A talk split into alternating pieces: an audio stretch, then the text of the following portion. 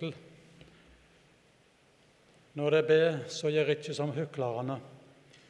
De elsker å stå i synagogene og på gatene og be. Jeg, eh, Sannelig, jeg sier dere, de har alt fått sin lønn. Men når du vil be, gå da inn på rommet ditt og lat att døra og be til Far din som er i det løgne. Og Far din som ser i det løgne, han skal lønne deg. Når det ber, skal det ikke ramse opp ord som heitningene, for de tror at de blir bønnhørte bare de bruker mange ord. Gjør ikke som de. Far dere veit hva de trenger før de ber Han om det. Slik skal de be. Vår Far i himmelen. Lat navnet ditt helgast. Lat riket ditt komme. Lat viljen din rå på jorda slik som i himmelen. Gjev oss i dag vårt daglige brød, og tilgjev oss vår skyld, slik også vi tilgir våre skyldmenn. Og la oss ikke komme i freisting, men frels oss fra det onde.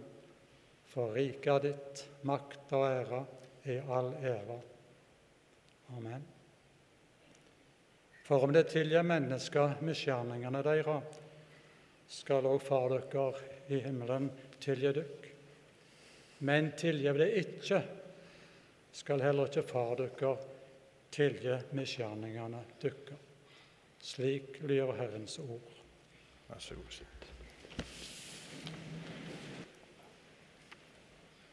I høst så skal vi altså bruke Fader vår, eller Vår Far, som i den nye oversettelsen begynner første bønna med. Og Vi skal gjøre det sånn at for hver gudstjeneste så, så, bruker vi ei av bønnene. For det er på en måte mange bønner. sant vel? Vår Far, du som er i himmelen. La ditt navn holdes hellig. Og så, så tar vi ei og ei bønn, og så blir det tema for gudstjenesten. Men i dag så er det det at Jesus lærte oss å be, som er tema. Ehm, og jeg, eh, jeg må begynne med å bare være eh, litt ærlig eh, om egen, mitt eget forhold til bønn. Fordi jeg er ikke av de som en ville kalle et bønnemenneske. Og det er delvis fordi jeg er veldig dårlig på sånn der, ta meg i nakken og så lage et system og ti minutter hver dag før jeg spiser frokost. eller sånn. Sånne ting jeg knall, Jeg har prøvd det mange ganger med jeg holdt på å si varierende, men det er ikke varierende engang. Det er helt entydig. Det har, det har aldri fungert, på en måte. Um, det er den ene grunnen. Men den andre grunnen det er at jeg av og til lurer på er det vits i. Uh, altså, Gjør det noen forskjell? Uh, og litt sånn der vaklende svar på det spørsmålet eh, har kanskje vært med og gjort at jeg ikke alltid har et veldig nært og godt og varmt og, og, og sånn eh, forhold til bønn, altså. Det får bli mellom oss. Eh, for det er kanskje ikke en sånn vitnesbyrd jeg bør ha. Eh, jeg skulle kanskje sagt at uh, kjør på, folkens, dette det er så supert og det virker så fantastisk godt. Det, det er jo følelsen av at uh, Er det nå sånn at hvis jeg ber, så, så, får jeg det jeg ber om? Jeg, jeg har ikke liksom, den veldig sterke opplevelsen av det. Da. For jeg husker kanskje bedre de gangene jeg ba og jeg ikke fikk det jeg ba om. Uh, jeg husker f.eks. en gang jeg har jo vært misjonær og greier. holdt Jeg på å si. Jeg var i Kamerun, og så ble vi liksom kalt ut på en sånn tur jeg var, til ei dame sånn som jeg husker det, som var sjuk, som vi skulle be for. Um, og vi kom der og, og, ba for henne, og jeg tenkte at nå, nå skal iallfall jeg tro at hun blir frisk. på en måte. For jeg tenkte Det er jo viktig å tro at eh, bønn har en funksjon. så jeg, Det er litt pinlig å fortelle dette på en måte, men jeg trodde så godt jeg kunne. da, for å si det sånn. Jeg trodde alt jeg kunne. På, og, og har skapt en veldig forventning om at du må jo bli frisk nå når vi ber for deg. Og hun ble jo ikke frisk når vi ba for henne. Og jeg vet, jeg vet, ikke historien til hun. Det hadde jo vært spennende sant, hvis jeg oppfattet at du ble frisk senere. Men min opplevelse der og da var at hun ble ikke frisk. Um, og Derfor har jeg, eh, tenker jeg for min del, da, helt personlige del, så er jeg glad for at vi skal ha bønn som tema denne høsten. Ikke fordi jeg endelig skal få si dere hvordan dere skal tenke om bønn, folkens, liksom, og komme opp på mitt nivå, men fordi jeg håper at Gud kan trekke oss inn i noe som jeg kanskje ikke helt har funnet for min egen del. Og det er sånn eh, det, men Jeg har snakket med liksom, kollegaer og sånn om det, om hva du, hva du kan forkynne liksom, i forhold til hvordan du har det i eget liv. Um, og det er jo i alle fall ikke sånn at en bare kan si det som en har kontroll på sjøl. Liksom. Da, kunne ikke jeg vært prest.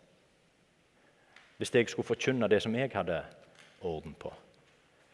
Uh, jeg tenker sånn om det at uh, det, som, det som, vi jobber med liksom, som menighet, og det som leses og forkynnes, det er jo Jeg har jo forventning til det. For det er jo ikke, altså, Jeg tenker jo at Gud vil oss jo noe. Han vil jo oss noe. Jeg er jo på tilhørersida på en måte, selv om jeg bringer ordene fram. Det er jo Gud som vil oss noe. Det er jo ikke jeg som vil dere noe. Og Derfor har jeg en forventning til det med bønn. da. Ehm, for er det sånn at det virker, egentlig? Det første svaret på det er jo at det er feil spørsmål. Fordi eh, spørsmålet er jo Oi. Eh, antyder jo at bønn er, er sånn at du, du, eh, du, putter noe inn, og så forventer du å få noe tilbake. Vel At det er en form for automatikk da, eller en ma maskin i det. Vel At eh, jeg gidder jo ikke å drive og be hvis, hvis, jeg ikke får noe. Sant? Hvor mange penger skal jeg putte på denne brusautomaten før det kommer ei brus ut? liksom? Det er jo ikke bønn. Det er, ikke, det er jo ikke det som er bønn. Så Derfor er det et feil spørsmål. Og hvis spørsmålet er nytter det på den måten at det, jeg presenterer som Gud, for Gud, som mitt ønske, at det sånn skjer det, ja, så er jo svaret nei. Det, bønn virker jo ikke på den måten. Det er jo ikke sånn at jeg kan presentere hva som helst til Gud, og så skjer det fordi jeg folder hendene og lukker øynene og sier amen etterpå. Og så gjør Gud det fordi jeg har sagt at han skal gjøre det. Hvis det er vår oppfatning av bønn, så er svaret nei. Bønn virker ikke. Det virker ikke sånn. Men hvorfor skal vi da be, da? Jo, for bønn virker alltid. Bønn virker alltid, men på en litt annen måte. For bønn er noe annet enn å be om noe. Be Gud om å få noe. Det er ikke det som er bønn. Eh, I sommer eh, så var vi på ferie i Spania, eh, og så var noen av ungene hjemme. Og mens vi var der, så hadde vi det veldig gøy med å ha kommunikasjon på Snapchat. Vi, vi, sendte bilder, og vi hadde dagens konkurranse og alle mulige kjekke ting som gjorde at vi hadde kontakt med dem hjemme, selv når vi var i Spania. Og det var jo mye bedre enn ikke. på en måte. Altså, alternativet var jo at vi hadde fått en SMS nå kan du vippse mer penger, for jeg, nå er det tomt. liksom. Det hadde, det hadde vært alternativ eh, kommunikasjon. Men det var litt bedre enn det å ha kommunikasjon på Snapchat og ha liksom litt sånn der humor og noen bilder og hva skjer og sånn. Men i forhold til å sitte hjemme rundt kjøkkenbordet og le og prate så var jo den Snapchat-kommunikasjonen ingenting verdt. sant vel? I forhold til det å være sammen så var jo ikke Snapchat noe. Men i forhold til ingenting så var det bedre. sant vel?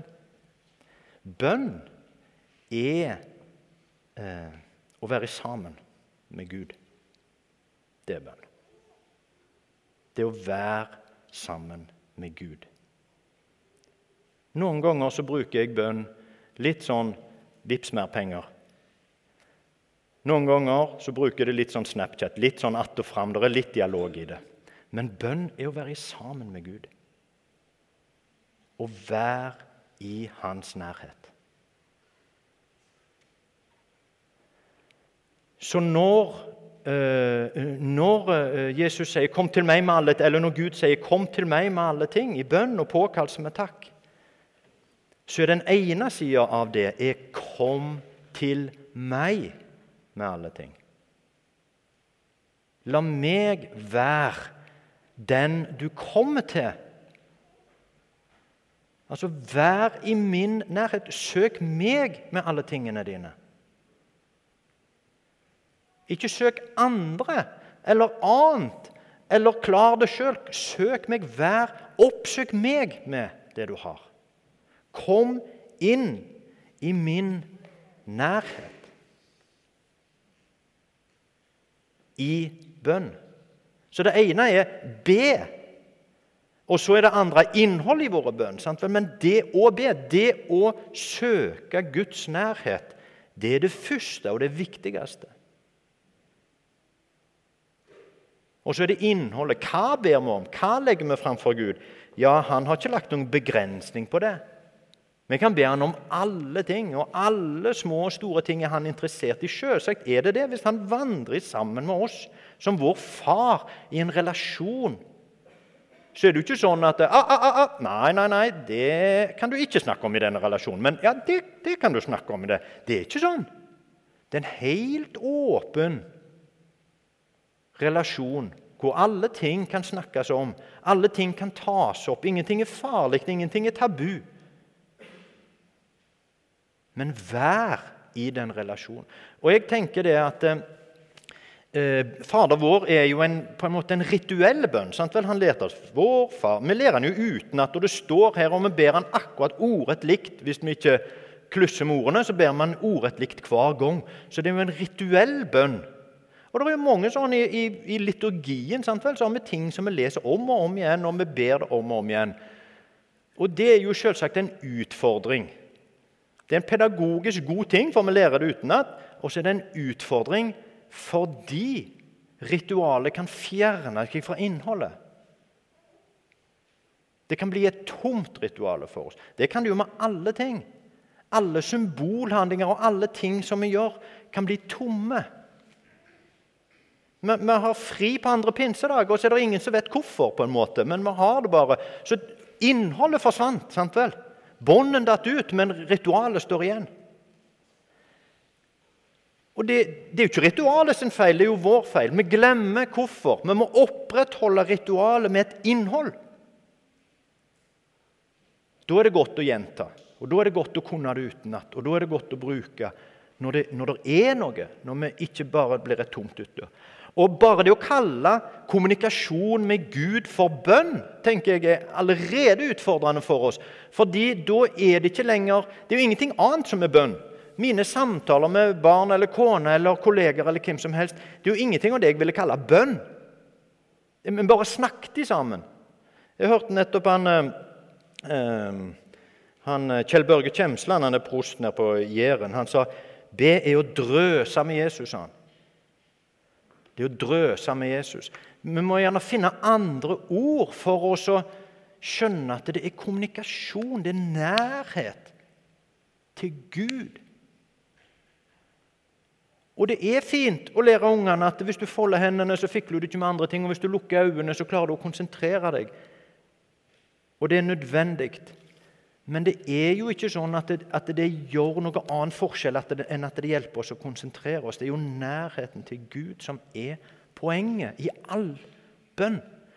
Det å oppsøke Han og komme nær til Han. Og når vi kommer ned til Han da, og ber og legger fram våre ønsker, så sier Luther vi ber om sølv, og så får vi gull, sier Luther. Og det er sånn. Det er en helt grunnleggende ting om Gud, og det er at Gud er hellig og god. Og ikke sånn ganske hellig og ganske god, men helt hellig og helt god. Det betyr at Gud Vi, vet at Gud alltid, kun, kan gjøre godt. Og da er det sånn type 100% godt. Et godt i et evighetsperspektiv. Det betyr at Guds svar på våre bønner noen ganger kan være veldig vanskelige for oss å skjønne. At det i det hele tatt er et svar på våre bønner. Fordi vi har ikke det perspektivet. Vi skjønner ikke hva som er absolutt godt i et mye lengre perspektiv enn akkurat nå. Og Det er ikke dermed sagt at alt som skjer, det er jo en sånn Ja, ja, det er noe mening med det. Sant vel at det onde ting som skjer, er det en mening med. Det, det, er ikke det jeg snakker om. For Gud lar ikke all Det er jo ikke Gud som sørger for at alle ting skjer gode og onde. Det skjer onde ting, og de er onde. Og Det er ikke sånn at Gud lot det skje fordi han hadde en baktanke med det. Men Guds svar på våre bønner når vi ber om noe, så kan det være et tydelig svar, men vi ser det ikke nå, og vi skjønner det ikke før, før vi ser det på, et, på, en annen måte. For Skulle Gud kunne Han kan ikke det. Skulle Gud kunne svare ja, du skal få det du ber om, når han vet at det ikke er bra, i et lengre perspektiv? Han kan ikke det. Fordi han er Gud. sant vel? Han kan ikke annet enn å gi oss at det, det han vet, i et evighetsperspektiv er det beste for oss. Det gjør at vi må ha en ganske stor porsjon ydmykhet i forhold til å skjønne hva som er det beste for oss, og skjønne hva som er Guds svar på våre bønner. Men vi kan være helt trygge på at det å henvende oss til Gud blir alltid mottatt. Han hører alltid. Han tar alltid imot oss til enhver tid. Han hører alle våre ønsker og begjær, og han svarer alltid. Han svarer alltid. For han tar imot det. Og så er det sånn at Gud Jeg tenker sånn at Gud på en måte har Han har begrensa sin mulighet til å handle på noen områder. Fordi han har gitt oss en helt grunnleggende fri vilje. Han har skapt oss lite ringere enn seg selv. Han har skapt oss med en mulighet til å velge. Og i det gir der i det binder jo Gud seg til ikke bryte inn og velge for oss, eller overprøve det vi velger. Det betyr at vi kan velge å ikke ville ha Gud med på det som skjer i livet vårt. Og da vil ikke Gud på samme måte ha mulighet til å innvirke på det som skjer i livet vårt. Fordi han har gitt oss en mulighet til å velge. Dermed blir bønn å gi Gud mulighet til å handle. Å gi Gud mulighet til å gjøre det som han vil gjøre.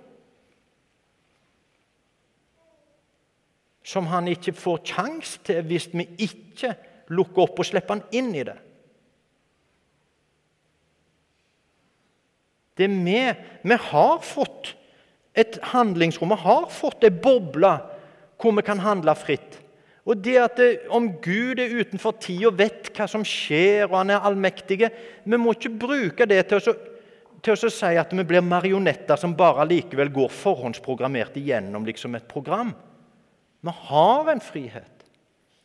Det er mitt, min mulighet og min frihet og mitt ansvar å velge. Og da kan jeg velge å invitere Gud inn. Slippe han til. La han få plass. Være sammen med han.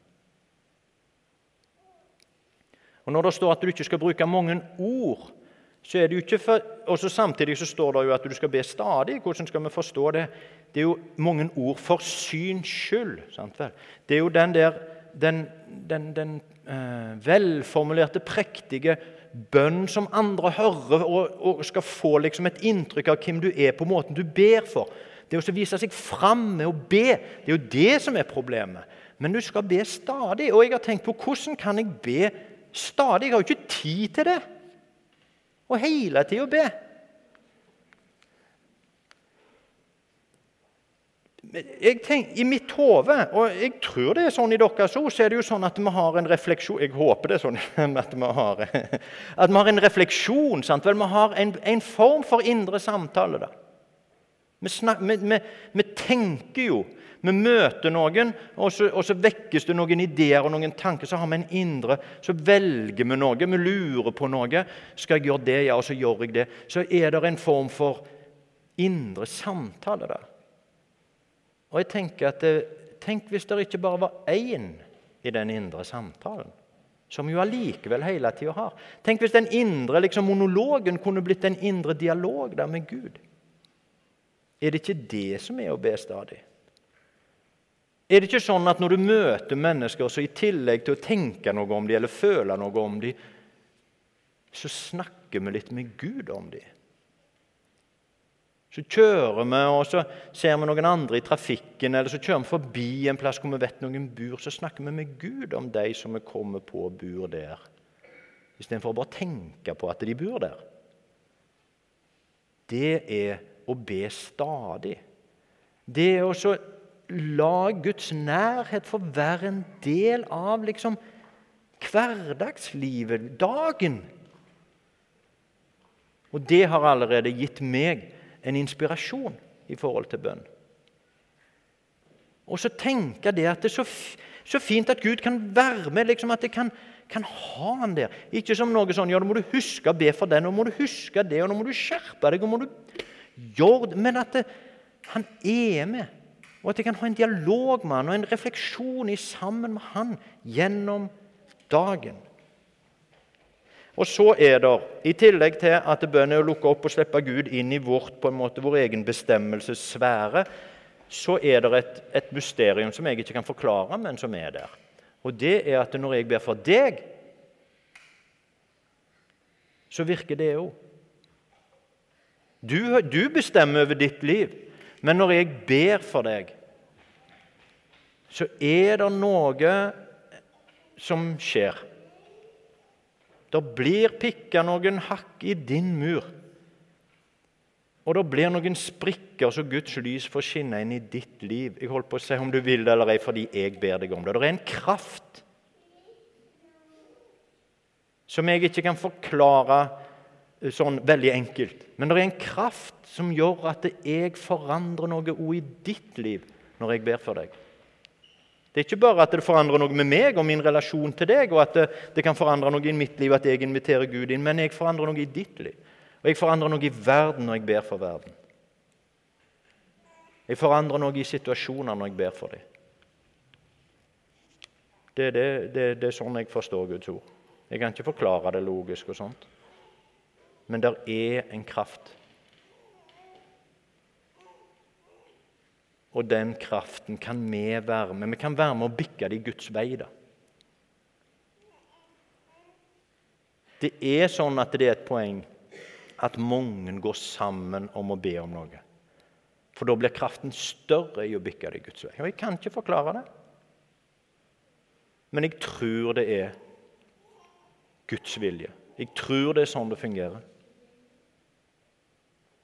Så det å bli enige om be for, så blir det en maktforskyvning en eller annen plass i en eller annen sånn åndelig virkelighet som gjør at det endres.